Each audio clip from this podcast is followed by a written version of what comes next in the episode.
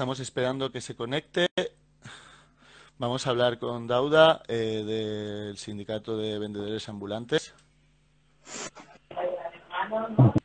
Que es la penúltima entrevista. Muy bien. Hola, Dauda, ¿cómo estamos? ¿Cómo estamos? Muy bien, aquí estamos, como siempre.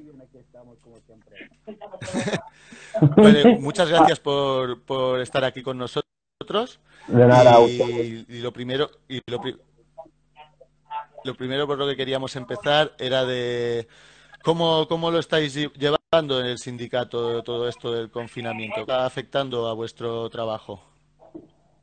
Bueno, ah, buenos días. Nos afecta bastante. Además, como llegó el confinamiento, eh, han cogido que la gente está en la calle y lo que estábamos haciendo era vender en la calle. Entonces, si no puedo estar en la calle, ya no puedo a vender.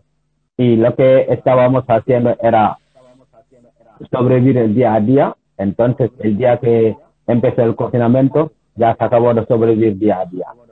Y desde el sindicato ah, hemos decidido de hacer un banco de alimentos para poder ayudar a los chicos que están en casa sin poder salir. Y hicimos un banco de alimentos. hemos repartiendo aliment uh, comida más de 3.000 no, 370 familias y no solamente en Barcelona, sino en todo el alrededor de Barcelona. Muy bien, muy bien. Las, las, qué interesante esto de las de, de, apoyo mutuo ¿no? entre, entre vosotros para, para hacer frente a, a, esta, a esta situación. ¿Nos podrías contar un poco más de cómo, de cómo han sido estas, estas mm, medidas de apoyo que habéis generado entre vosotros? Bueno, es que desde siempre nosotros ah, hacemos la, la, ayuda de mutua porque es lo que nos, nos enseñaron, es nuestra cultura desde pequeño hasta ahora, porque me recuerdo muy bien cuando llegó aquí, tenía 22 años, y vivía en casa de mi primo, y me dijeron, aquí no puedes trabajar, y ellos mismos me dieron algo de dinero para poder comprar mercancía para empezar a vender.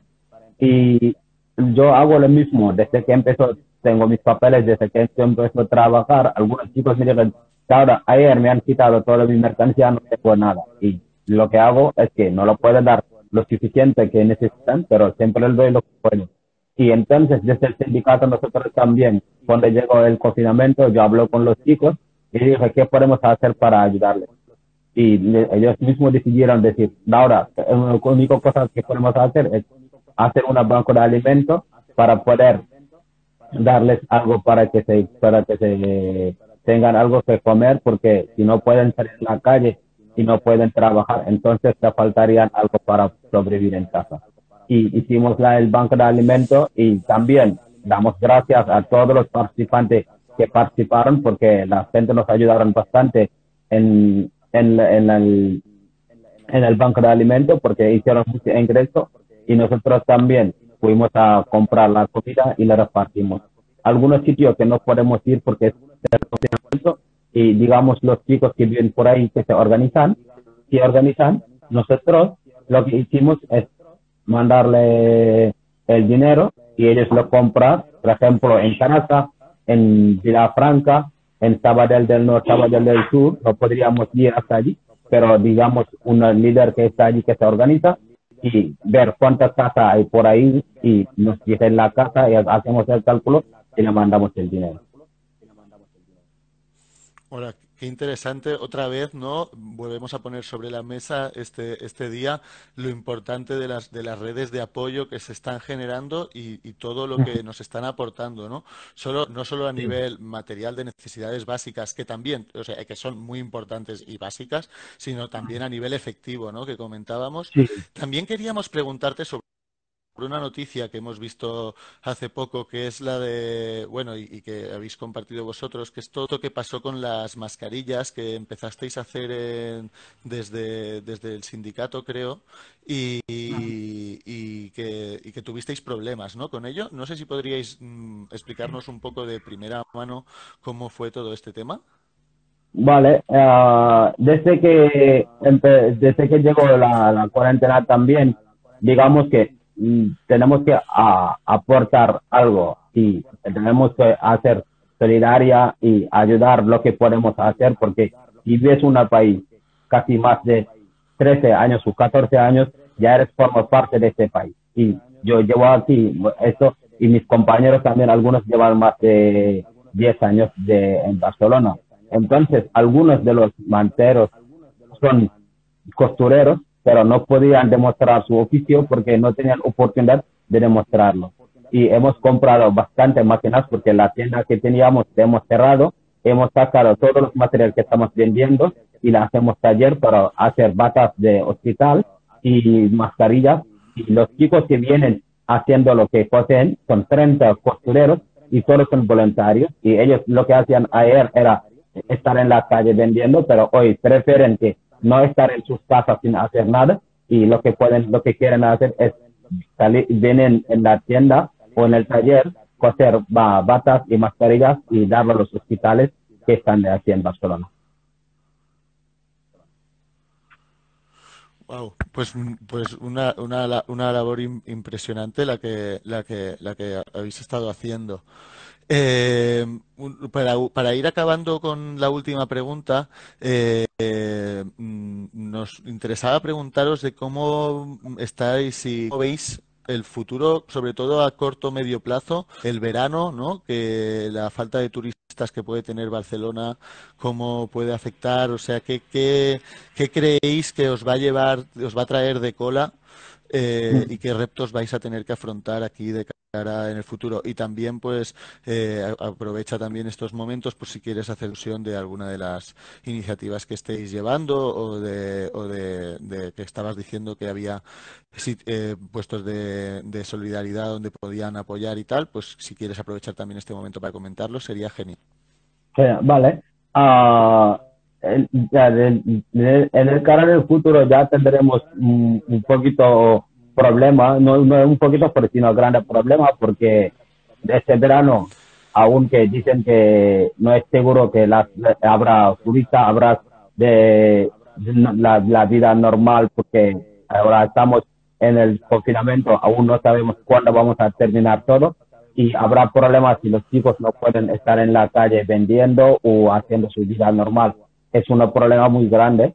Y, pero desde el sindicato nosotros también nos dejamos de seguir a, intentar ayudar a los chicos porque la, pero también como que hemos llegado de lo que estamos haciendo es vender nuestra propia marca en la tienda que está en calle Care, número 13 en Raval.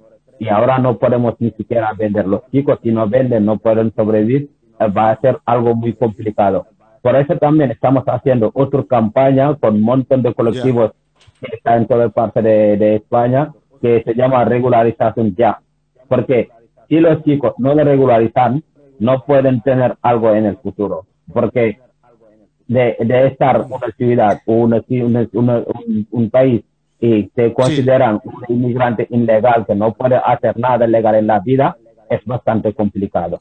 Y yo sé lo que es ser ilegal y lo que sé es regularizar la persona, porque ningún ser humano es ilegal, pero si es un, ser humano irregular que no puede hacer algo, regularizar su situación es muy complicado, porque yo llevo casi 10 años sin papel y después cuando lo consigo, ahora soy cocinero en un restaurante y cuando llegó la pandemia yo tenía un poquito de suerte porque mi jefe me pone en un ERTE, aunque esté en casa cobrando, aunque no es tanto, pero estoy cobrando algo. Si los chicos también tenían esa oportunidad hoy en día, podrían cobrar algo y podrían aportar más cosas aquí en, en, en España. Entonces, lo que estamos pidiendo es regularización. Los chicos ya, porque si regularizan las personas, pueden ir dignamente trabajar, pueden ir dignamente haciendo su vida. Y yo muchas veces me lo pienso diciendo, esa eh, epidemia que está pasando hoy, si pasaba hace dos años o tres años atrás, ¿quién necesitaba más ayuda va a ser yo. Porque aquella momento estaba en situación muy vulnerable. Entonces no debemos olvidar los, los, los que están en situación vulnerable para poder ayudarlos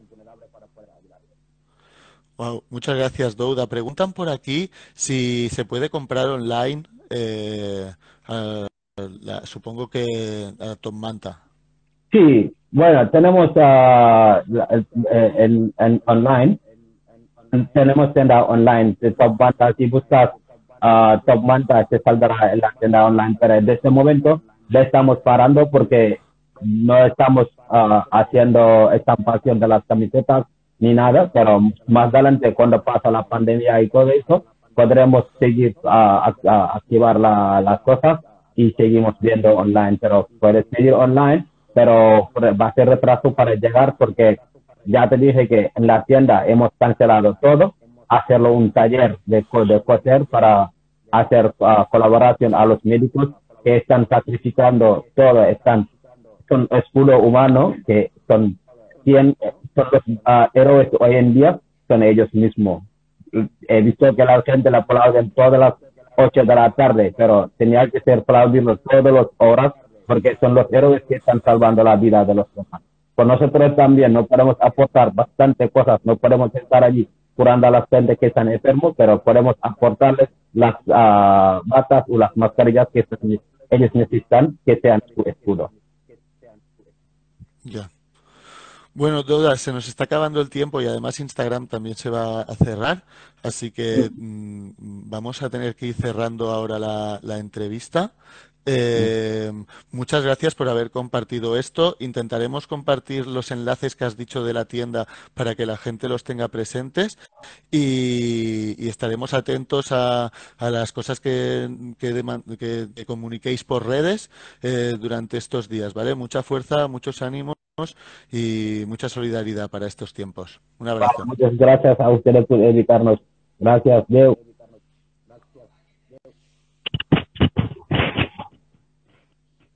Vamos a tener que cerrar un momento y ahora mismo nos volvemos a conectar.